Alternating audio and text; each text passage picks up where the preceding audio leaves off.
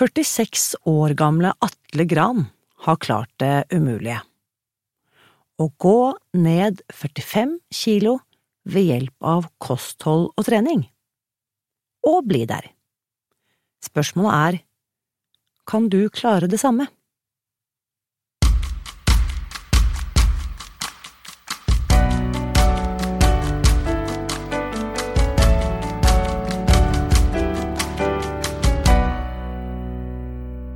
Hvis du hadde møtt Atle Gran på gaten, ville du kanskje ikke ha skjønt at du sto overfor et temmelig unikt eksemplar av arten menneske. Sett utenfra ser nemlig Atle ut som en ganske ordinær 46-åring, med jobb i staten, kone og to barn. Men Atle har faktisk en helt spesiell historie så spesiell at han reiser rundt i Helse-Norge for å fortelle om sine oppsiktsvekkende resultater. Det skal du få høre mer om i dagens episode. Før vi fortsetter, vil jeg gjerne lese opp en tilbakemelding om denne podkasten som Nina Sevaldsen skrev i iTunes for noen dager siden. Nina skriver Å høre intervjuet med Jeanette 22. desember var utrolig fint. Det var ærlig og ga meg en større forståelse for at jobben må man gjøre selv. Dette handler ikke om en quick fix, men om en grundig og spennende endring av måten å tenke og leve på. Og jeg må jo bare si tusen takk for din tilbakemelding, Nina, og jeg tror du er inne på noe viktig, nemlig det å spise seg fri. Det er helt klart en jobb jeg må gjøre selv, én dag om gangen. God morgen, Atle, veldig hyggelig å se deg igjen. Takk. Du, vi må først si noen ord om hvordan vi to traff hverandre, for nå er det… ja, det er noen uker siden, det var i oktober 2019, da vi møttes første gang. Det stemmer, det. Og hvem hadde trodd? det var altså i anledning Fedmeforskningsdagene 2019 som jo er en kjempestor årlig konferanse hvor landets fremste eksperter på fedme og overvekt, sykelig overvekt, kommer sammen. Og der var du. Det var jeg. Og du er jo ikke kirurg. Jeg er ikke kirurg, nei det er jeg ikke. Eh, jeg er det Det kalles vel egentlig strengt tatt pasient, egentlig, i det offentlige Helse-Norge. I dette systemet I er dette du pasient. Så er jeg faktisk en pasient, men eh, seinere nå så har jeg bistått en del i forbindelse med min, mine erfaringer eh, med livsstilsendring, og er da som en brukerrepresentant, kalles det nå. Altså dette Ja. er så fint, det er så Ja. mange bra ord. Mm. Så pasienten Atle Gran, Ja. Brukerrepresentanten, i, i mitt univers så ville vi ha kalt deg en suksesshistorie. Takk. Så la oss fortsette med det. Suksesshistorien Atle Gran, hyggelig å se deg igjen. I like måte. Sånn i det sivile liv så er du tobarnsfar. Hvor er det du bor hen i verden? Jeg bor på Langset etter det, i Eidsvoll kommune. Eidsvoll. Ja. Og så jobber du i staten. Ja, jobber i Oslo. Og i, off i, Ja. i offentlig forvaltning, kan vi si, Ja. i Oslo. Og det som jeg, som, da jeg traff deg, så sa jeg å, vi må snakke mer sammen, for jeg syntes det var så spennende. Altså, Aker sykehus, som er en del av Oslo universitetssykehus, de hadde jo invitert med seg deg, så du, foran flere hundre av landets fremste eksperter, fikk fortelle din historie. Mm. Og kan du ikke bare fortelle den historien litt sånn kort oppsummert? Hva, hvordan kom du i kontakt med Aker sykehus, og hva var det du slet med da du først ble definert som pasient hos dem, da, og hva skjedde videre? Ja, eller eh, det ble jo en veldig kort versjon, da, men jeg begynte Jeg har jo egentlig slitt med overvekt ja, slutten av videregående omtrent, eh, i over 20 år, eh, og var eh, via Ullevål universitetssykehus, så var jeg, ble jeg henvist videre til et behandlingsopplegg, og jeg valgte da et konservativt behandlingsopplegg, som det heter, altså ikke en fedmekirurgi, men en endring av livsstil med fokus på trening, aktivitet, ernæring og veldig mye det mentale. Det starta jeg med med cirka i 2013, eh, Ja. ja, påsketid i 2013. Jeg var der et års tid og har gått ned cirka 45 kilo via den formen. Eh, og jeg har da jobba videre med å holde meg stabil og etablere de nye livsstilsvanene, som jeg kaller det. For dette er kjempespennende. 2013, Mm. Vi snakker seks og et halvt år siden. Cirka, ja. ja. Det statistikken viser, er at én av hundre personer klarer det du har gjort, å gå ned all din overvekt i løpet av ett år. Det stemmer. Eh, og det, mm, det er jo egentlig jeg, har jeg pleier å si at jeg har egentlig statistikken mot meg, for det er ikke så veldig mange, akkurat det du sier, at det er veldig få som lykkes. Og eh, jeg, jeg tenker sånn tidligere erfaringer er jo at jeg alltid har klart å gå, gå ned på egen hånd, eller prøvd forskjellige kurer, eller opplegget forskjellig, men problemet har alltid vært å holde seg der nede. At, eh, at vekta har kommet snikende på opp og opp flere ganger, eh, sånn sett. Ja, for nå er du 46 år, så den gang var du da ca. 40 år. Ja. Men det var jo ikke første gang ikke sant, at du forsøkte å gå ned i vekt. Nei. Så du sier fra gymnaset, hvis vi bare tar de 20 årene mellom gymnastiden, russetid, og så 40 år, du er på Ullevål sykehus, hva har du prøvd i det spennet mellom 20 til 40? Uh, ja, jeg har vel prøvd både liksom sånne hva skal si, tips som du kanskje har lest om på Det var vel kanskje ikke nettet i så stor grad når jeg begynte, men eh, det begynte sånn, hva skal jeg si, problemene med vekta ble bare sterkere når eh, jeg har vært sammen med hun ei kona mi nå, eh, sånn at eh, etter hvert så skulle, fant vi ut at vi skulle gifte oss, eh, og da fant vi ut at da skal jeg gå noe Grete Rode-kurs, Ja. sånn sett. Ja. Og det For du var- ville se bra ut i bryllupsdressen. det ville jeg. Og det, det, vi gifta oss i 2001, sånn at eh, da gikk jeg jo ned, men ikke så langt ned som jeg faktisk eh, er nå. Um, men jeg så bedre ut på bryllupsbildene og var veldig fornøyd med det. Men eh, da Lise ble gravid, så så er det, ble det det jeg kaller sympatigravid med hun, sånn at eh, jeg gikk jo opp eh, i takt med hun da, som bare, hun hadde jo en gutt inni seg, og jeg bare spiste sjokolade. Ja. Sympatigravid. Ja, sympatigravid, ja. Og det, eh, og det, og så ble jeg gravid igjen, og dette var egentlig bare, bare vært mer og mer. Eh, Sånn at eh, i 2004, da andre gutten vår ble født, så var jeg på en av toppene, kan jeg tenke meg. Kan Sånn, jeg spørre hva du var på det tyngste? Jeg var vel ca. 135, tror jeg det var. En ting er jo det, det er tungt mm. å veie 135 kilo, tenker jeg. Hva annet var det som tynget deg på den tiden? Oi. Um, det var vel kanskje det at eh, Eller jeg så det kanskje ikke da, men jeg har vel egentlig sett det mye mer i ettertid at eh, eh, at det var jo veldig mye Vi var jo inaktive, og ja, vi, hver gang vi skulle på noe, så var det alltid liksom fokus på hva skal vi spise, og hva er litt sånn Familiepark var veldig ålreit, for da kunne gutta liksom drive og leke med ting rundt omkring, og jeg kunne kanskje sitte på en benk og sånne ting, så det var veldig sånn lite De fikk jo aktivitet, men jeg var kanskje mye mer passiv, sånn at eh, det var jo en god del jeg ikke fikk gjort sammen med unga, egentlig, sånn sett. Ja. Men kjente du på den? Det er interessant, for det er første gang jeg hører en voksen mann da, sette ord på dette på den måten, fordi veldig mange kvinner kjenner på det du beskriver her. Kanskje den Ja, at de innrømmer at ja, jeg, jeg, jeg deltok ikke, jeg meldte meg litt ut, jeg var opptatt av å kose meg, eller at, at jeg var litt lat, eller Men disse tingene. Kjente du på noe sånn dårlig følelse rundt det? Tenkte du shit, her går jeg glipp av Jeg løper ikke rundt sammen med barna mine på karusellene, eller bare var det, var det greit? Hadde du på en måte innfunnet deg med situasjonen? Jeg tror jeg hadde innfunnet meg med det, eh, også da når, hvis vi spoler litt fram til da 2013, når jeg begynte på, på Idrettens helsesenter, som det heter, så var det jo også psykologi, eller psykologer der, sånn at eh, jeg fikk jo Det var liksom da jeg begynte å jobbe med følelser, eh, og jeg har alltid vært det om mannfolk og følelser, det har alltid vært litt sånn eh, Det er oppskrytt. Ja, det er oppskrytt for meg, liksom, fram til da. Sånn at jeg faktisk, når vi fikk en god del oppgaver, så tenkte jeg at nå skal jeg faktisk jobbe med de oppgavene her. Og det var jo når jeg faktisk begynte å komme meg litt gjennom, jeg, gjennom skallet, som jeg sier, til meg, inn i meg sjøl, så at jeg faktisk begynte å, å innse faktisk at uh, her, dette var ikke bra, liksom. Dette er ikke det, sånn jeg vil, vil være, da, sånn sett. Eh, og det var først da jeg begynte å liksom kunne se for meg liksom to retninger i forhold til enten å fortsette sånn som jeg var, og ikke kunne være med oppe på trampoline eller liksom sånne ting. Eller å kanskje faktisk prøve å se en annen framtid, en ny versjon av meg sjøl, da. da hvordan, hvordan, så den, altså 2013, den visualiseringen du gjorde da, hva, hvordan kunne den Hva var det du så for deg da?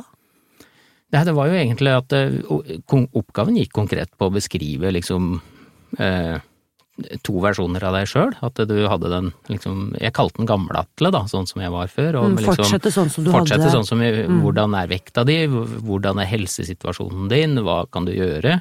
Eh, og når du fikk det ned litt sånn på papiret, og, og, og så den andre versjonen der du kanskje var bedre form, du var mer aktiv, eh, kanskje du ble litt mer glad av å se deg sjøl i speilet og kunne gjøre mer ting, så var det jo liksom, da skjønte jeg at her, her er hovedmålet mitt, eh, den nye meg, da, sånn som jeg kalte det da. Mm. Jeg ser jo for meg at du har eh, du, du, fortalte jo, ikke sant, etter at du traff kona di eller kjæresten din på det tidspunktet, samboer, eh, giftet dere. Det, det, er jo sikkert Dette kjenner jo også, flere av oss kjenner til disse kjærestekiloene, ikke sant, som kommer snikende.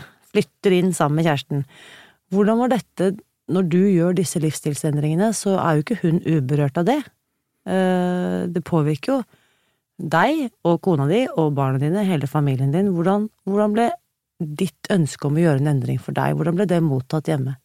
Eh, det ble egentlig godt eh, mottatt. Hun har jo egentlig prøvd å hjelpe meg tidligere ved å kanskje stille en del spørsmål og, og sånne ting, i forhold til om for eksempel om vi skulle kanskje gå en tur, eller om vi skulle Skal du spise så mye, for eksempel, eh, og sånne ting. Eh, så, men da, tidligere så ble jeg jo bare irritert når hun prøvde å, å, å, påpeke det her. Hun ville jo hjelpe meg, eh, og når jeg da begynte med den endringa mi, så var hun veldig interessert i opplegget, og prøvde å stille spørsmål, hva har dere lært om i dag, og, og sånne ting, så hun har vært veldig støttende, og det samme har jo gutta hjemme òg, at de liksom han, han var jo skal vi si ni år eller noe sånt, han minste da når jeg begynte, og da sa han liksom innimellom 'flink pappa', sa han at eh, liksom jeg klarte å gjøre riktige valg, da, ja. sånn sett. Så, så, jeg har hatt veldig god støtte hjemme, da, egentlig, i familien. Ja. Så du har hatt din egen heiagjeng? Ja. ja. Jeg kaller det eget støtteteam. Eget støtteteam. Ja. Og hvor viktig vil du si at det har vært for deg? Det har eh, vært veldig viktig. Eh, at faktisk eh, en livsstilsendring, det krever at du faktisk må, må sette deg sjøl litt foran i en periode, eh, og at du får den backupen.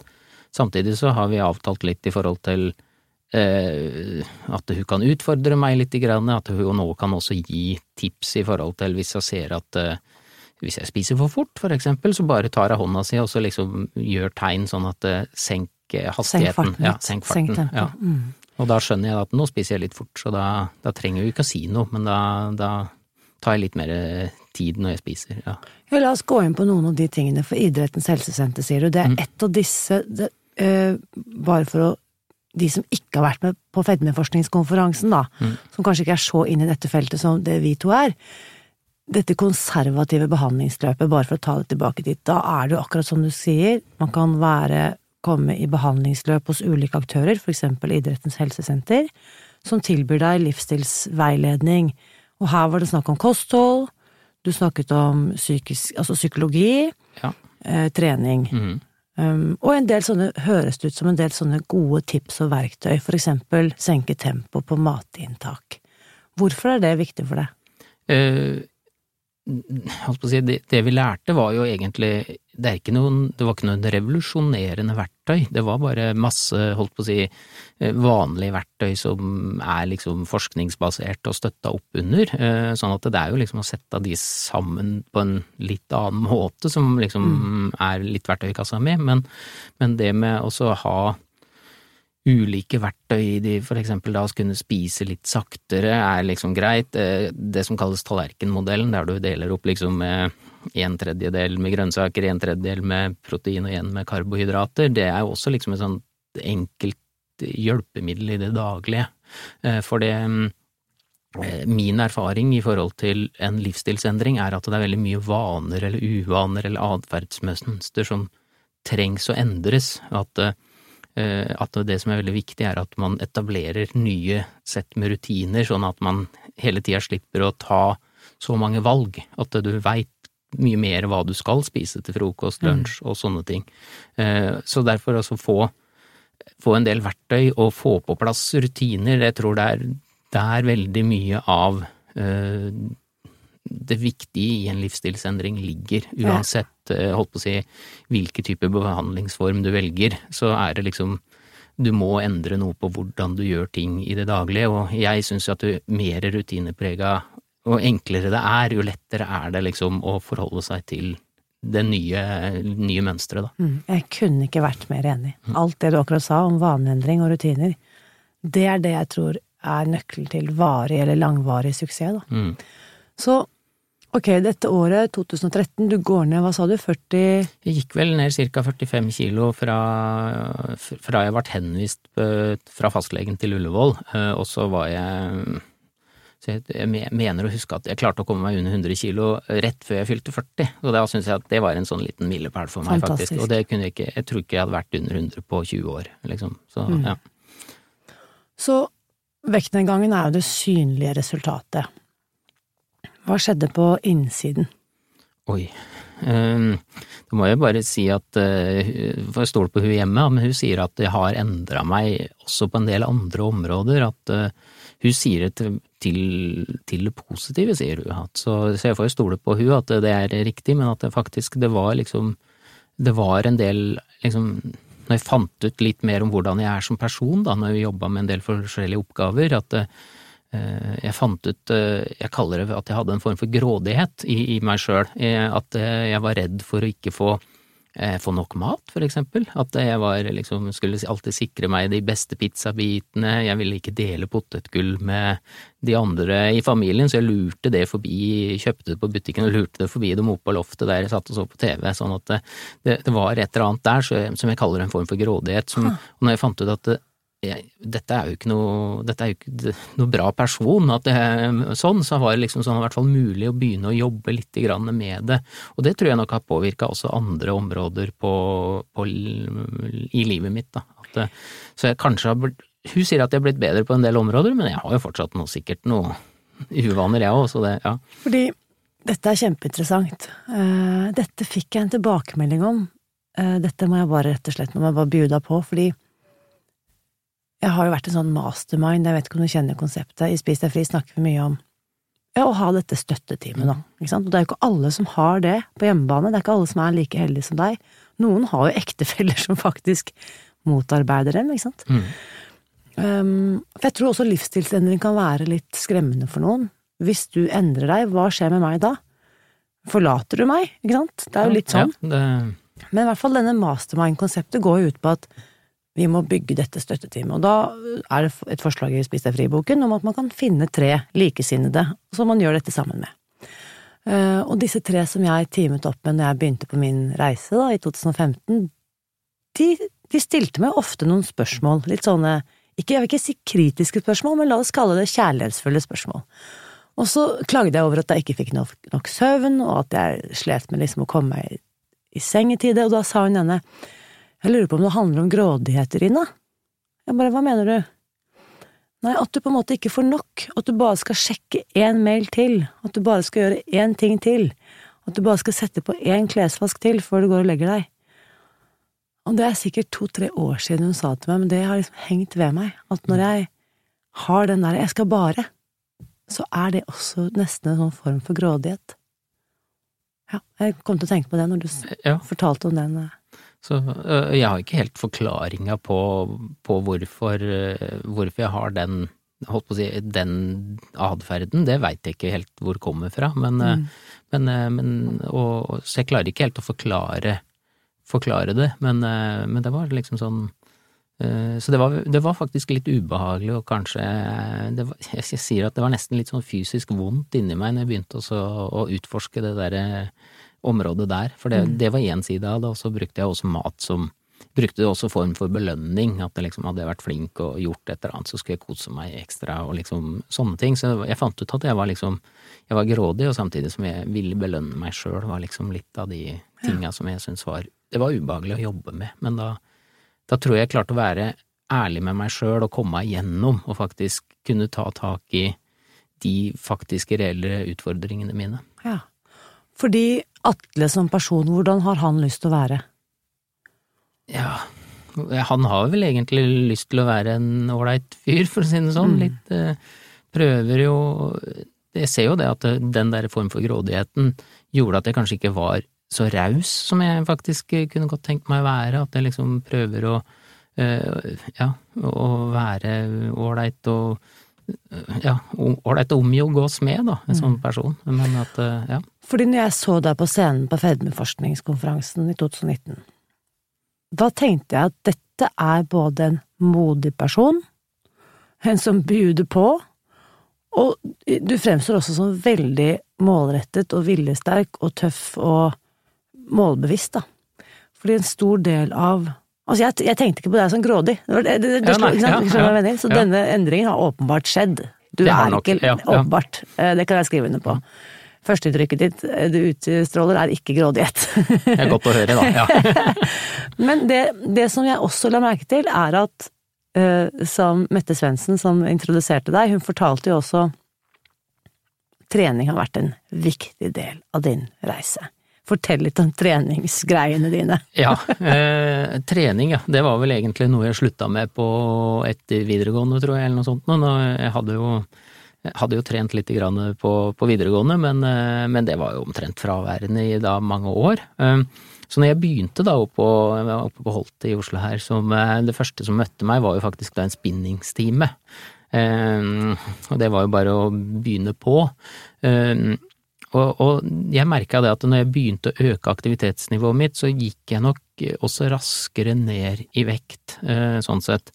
Så jeg har liksom fokusert og også, også ha trening og, som en del av min daglige rutiner, eh, for det hadde jeg jo ikke tidligere. Eh, sånn at nå trener jeg fortsatt eh, tre ganger i uka, sånn som jeg gjorde, gjorde når jeg begynte på det opplegget.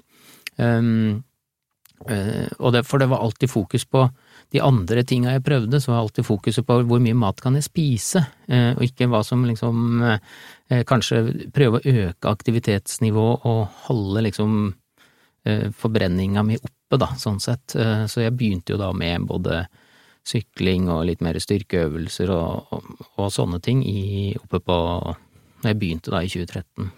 Og så tok du jo litt av.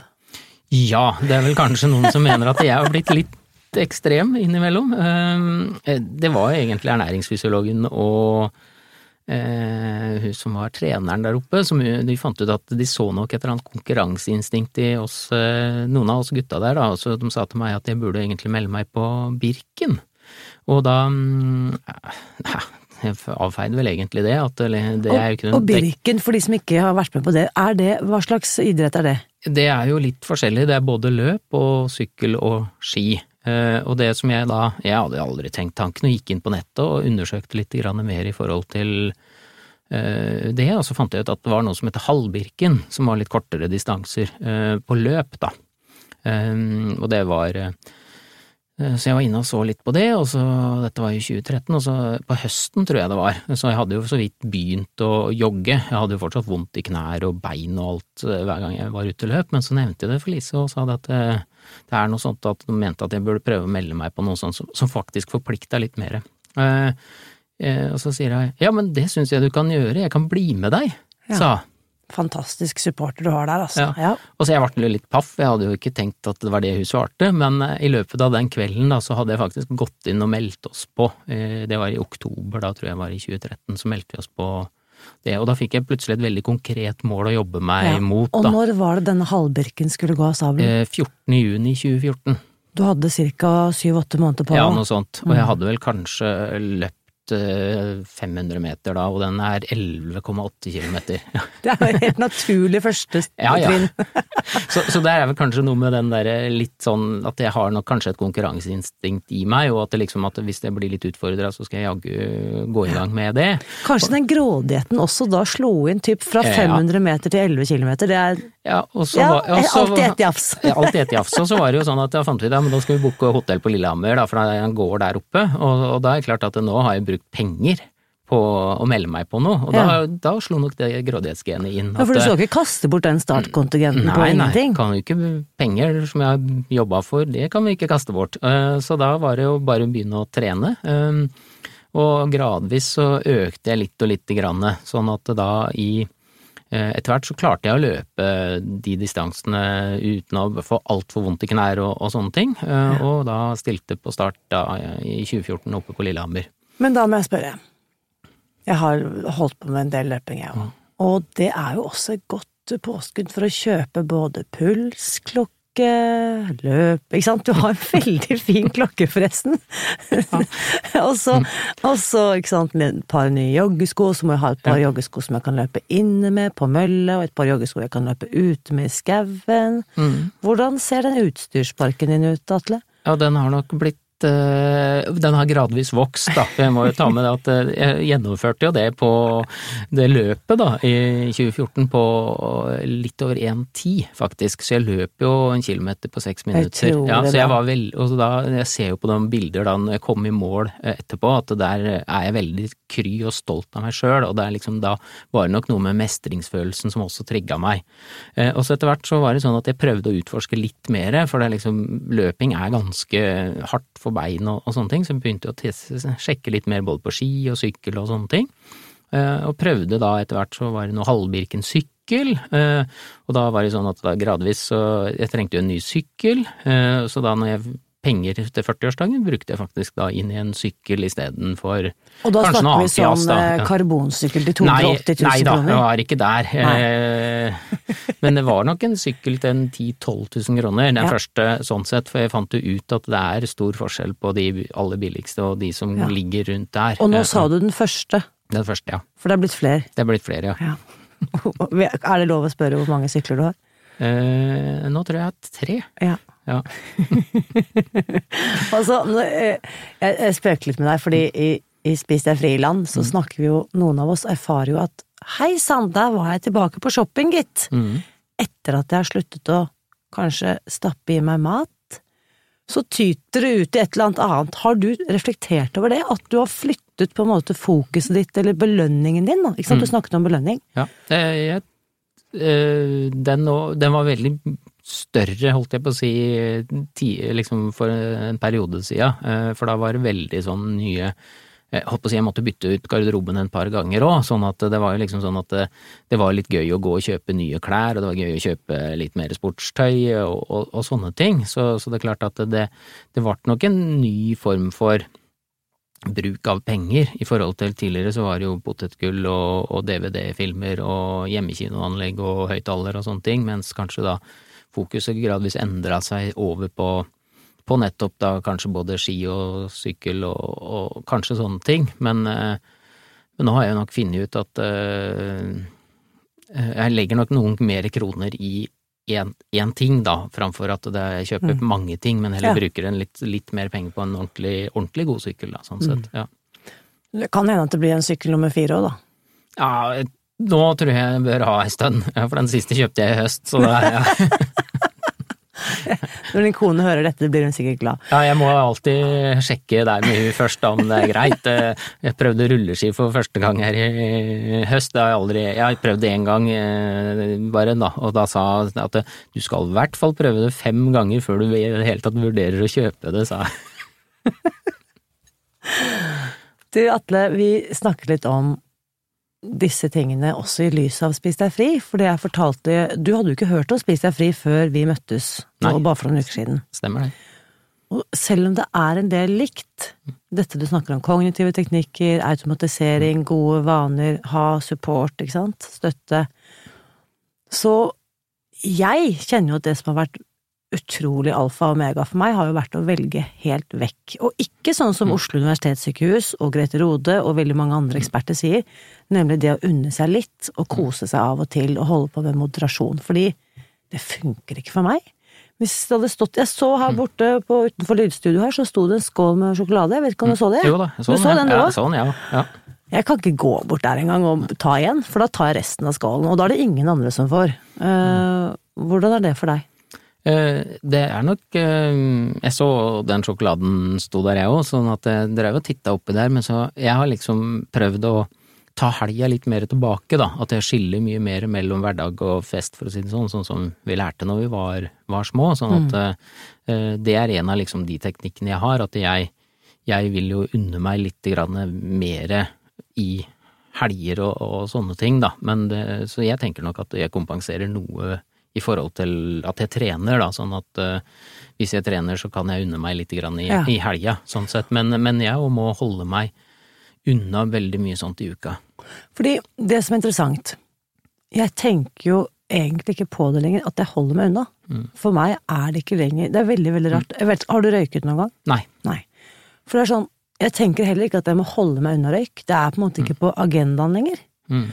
Og så lurer jeg på, er du av og til fordi nå, nå, når vi kommer inn i 2020, så er du faktisk da syv år siden du startet din reise. Mm.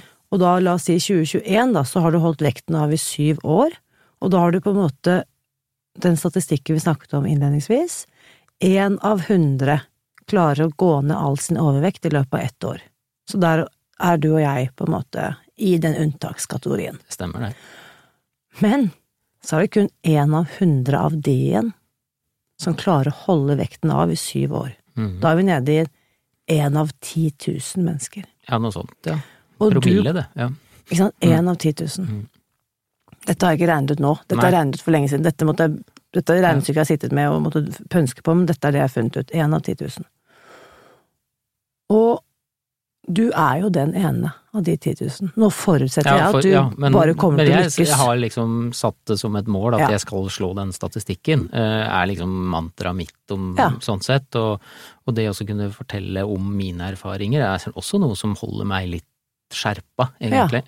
Men, uh, men, det er jo som du sier at uh, i forhold til den godteskåla, altså jeg tenker ikke at jeg avstår det lenger. Det er Nei. egentlig er det med programmerer litt vaner og, og sånne ting. Uh, Eh, det jeg tenkte på, var at eh, eh, jeg har jo også blitt mye mer bevisst på faktisk hva jeg liker. I, forhold til ja. godteri og kjeks du er, og du er, så, du er ikke så grådig lenger i godteskålen, du er liksom sånn, for eksempel at jeg har funnet ut at kjeks det er jeg egentlig ikke noe glad i. Det er faktisk enkelte potetgulltyper som jeg syns faktisk ikke smakte så godt, så den Eh, liksom, da, da, er ikke så Det er ikke noe savn å ikke spise det heller, så det er litt sånn Men jeg tror nok at, den tid, at det har gått såpass lang tid at det begynner å sette seg mer, mer vaner. Men, ja. Eh, men, jeg har jo fortsatt uvaner, jeg òg. Jeg er jo titter etter noe i skapa på kveldstid fortsatt, jeg. Ja. Så, ja. så hvordan er det En av 10 000, da.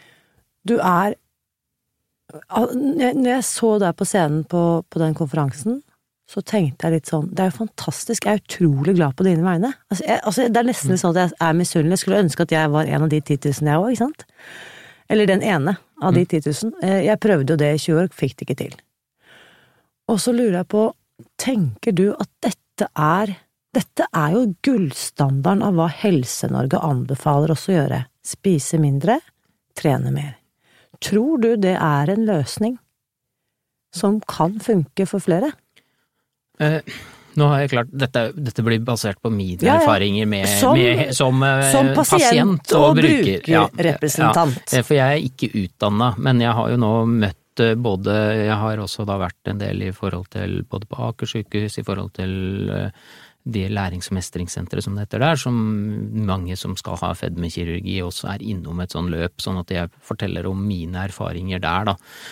Og hva skal en si, det det er litt jeg begynner å tenke om i forhold til det eh, norske helsevesen, er at jeg tror at eh, det er litt sånn Vi kjører alle gjennom nesten samme trakta. Eh, og jeg, jeg tror nå at det gjøres kanskje litt for dårlig kartlegging i, forhold, i forkant, eh, ut ifra hvilken type person du er. Eh, sånn som vi var inne på, jeg er kanskje litt sånn strukturert og litt målretta person, at eh, for meg så vil jo kanskje da være et mønster og en konkurranse, liksom et ting jeg kan jobbe med, mens andre da som kanskje er mer avhengig av jeg, jeg veit jo du, du, I forhold til sukker- og mjølavhengig, så er jo Du har jo kutta ut det, men for meg så var det nok kanskje mer fett, da, som jeg måtte kutte ut. Ja. Eh, Og så jeg Mm. tenker altså at det finnes forskjellige typer, eh, kall det avhengigheter, og forskjellige personlige profiler. Altså jeg tror kanskje ikke at eh,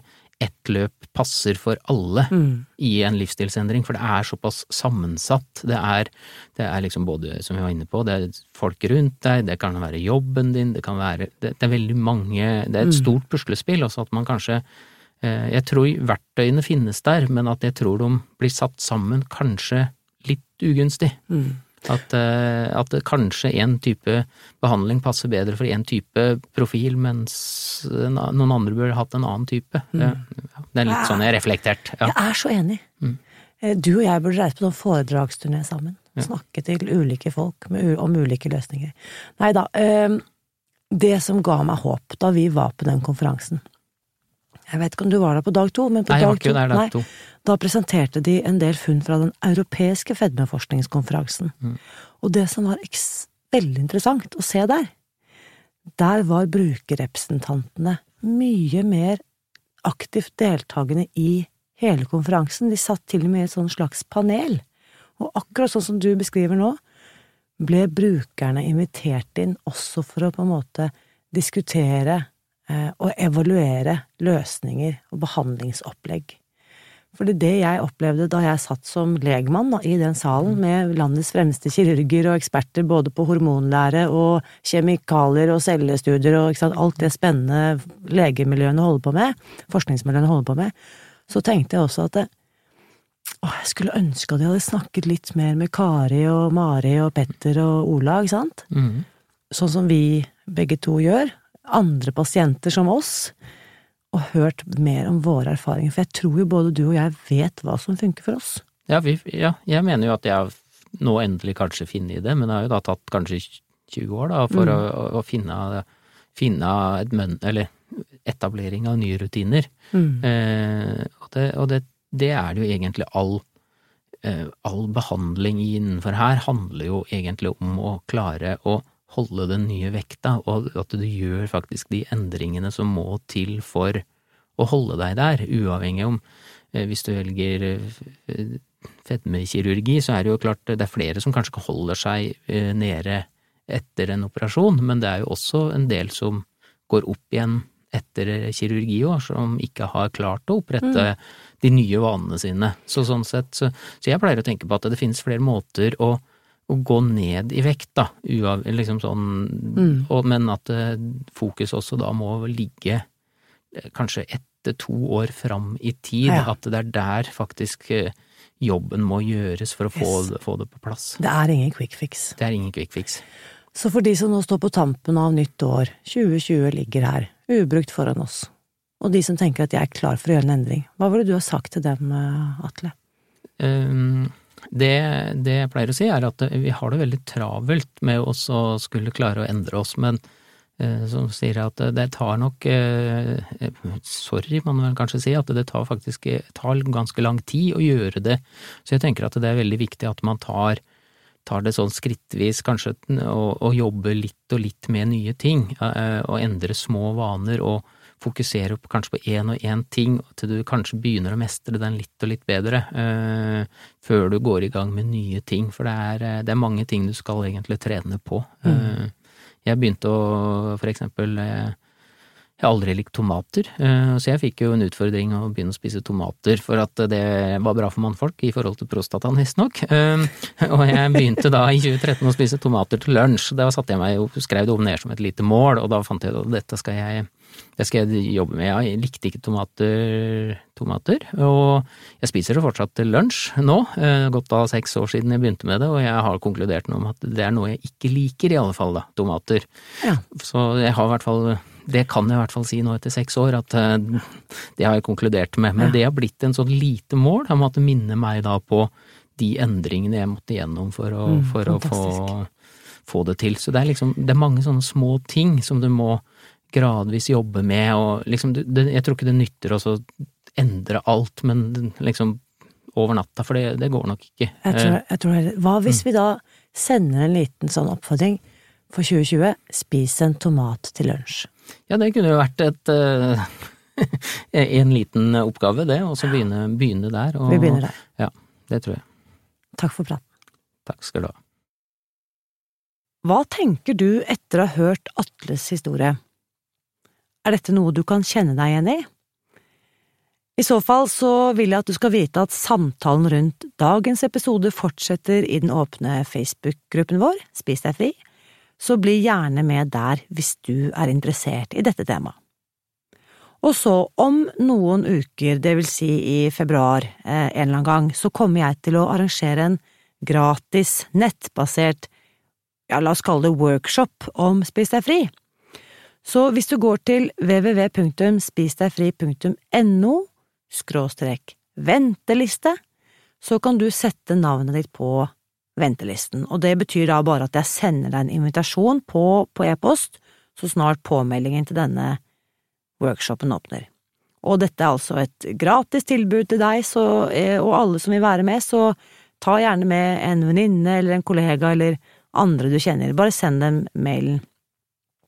Og dette er, tenker jeg vil være relevant for alle som er interessert i å spise seg fri fra overvekt, eller dette ustoppelige søtsuget, eller andre kostholdsrelaterte helseplager. Og neste søndag så skal du få møte en person som har hatt en utrolig stor innvirkning på min egen helse, både fysisk, mentalt og følelsesmessig. Jeg snakker altså om en dame som heter Jannike Wiel, som er en av de virkelig store pionerene for yoga i Norge. Neste søndag så forteller hun litt om eh, hvorfor hun har valgt å vie livet sitt til yoga, og hvorfor hun har brukt hvert eneste ledige minutt de siste tre årene av sitt liv på å skrive en bok om yoga. Så uansett om du driver med solhilsener eller ikke, så kom tilbake hit til podkasten neste søndag, og husk også at gode nyheter er skapt for å deles så del gjerne denne podkasten med dine venner og alle du kjenner, så sier jeg bare takk for hjelpen for det, og vit at uansett så jeg heier på deg. Alltid.